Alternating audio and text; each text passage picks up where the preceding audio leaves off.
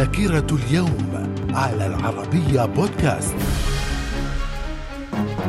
أهلا بكم إلى ذاكرة اليوم السادس والعشرين من أغسطس. ففي العام 1920 تم التعديل التاسع عشر للدستور الأمريكي والذي منح المرأة حق التصويت. في العام 1936 التوقيع على معاهدة بين المملكة المتحدة ومصر وافقت خلالها إنجلترا على منح مصر استقلالا جزئيا مقابل تثبيت سيطرتها التامة العامة على قناة السويس. في العام 1944 شارل دي جول يدخل باريس بعد قيام قوات الحلفاء بتحريرها في اليوم السابق وذلك أثناء الحرب العالمية الثانية. من الذاكرة. ومن ذاكرة السادس والعشرين من أغسطس في العام 1957 الاتحاد السوفيتي يعلن عن نجاح أولى تجاربه بإطلاق أول صاروخ عابر للقارات في العالم. العالم. في العام 1961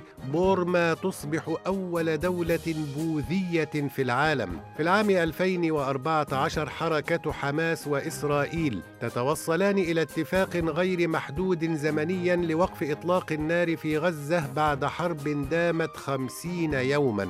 وفي العام 2016 افتتاح جسر السلطان سليم الأول الذي يمر على مضيق البوسفور بتركيا. ويعد أطول جسر معلق في العالم. من الذاكرة. ومن مواليد اليوم السادس والعشرين من أغسطس في العام 1910 الأم تيريزا راهبة وممرضة هندية من أصل ألباني حاصلة على جائزة نوبل للسلام عام 1979 من الذاكرة. ومن وفيات السادس والعشرين من أغسطس في العام 1850 الملك لويس فيليب الأول ملك فرنسا وفي العام 1997 توفي المطرب السوري فهد بلان. من الذاكرة. إلى اللقاء.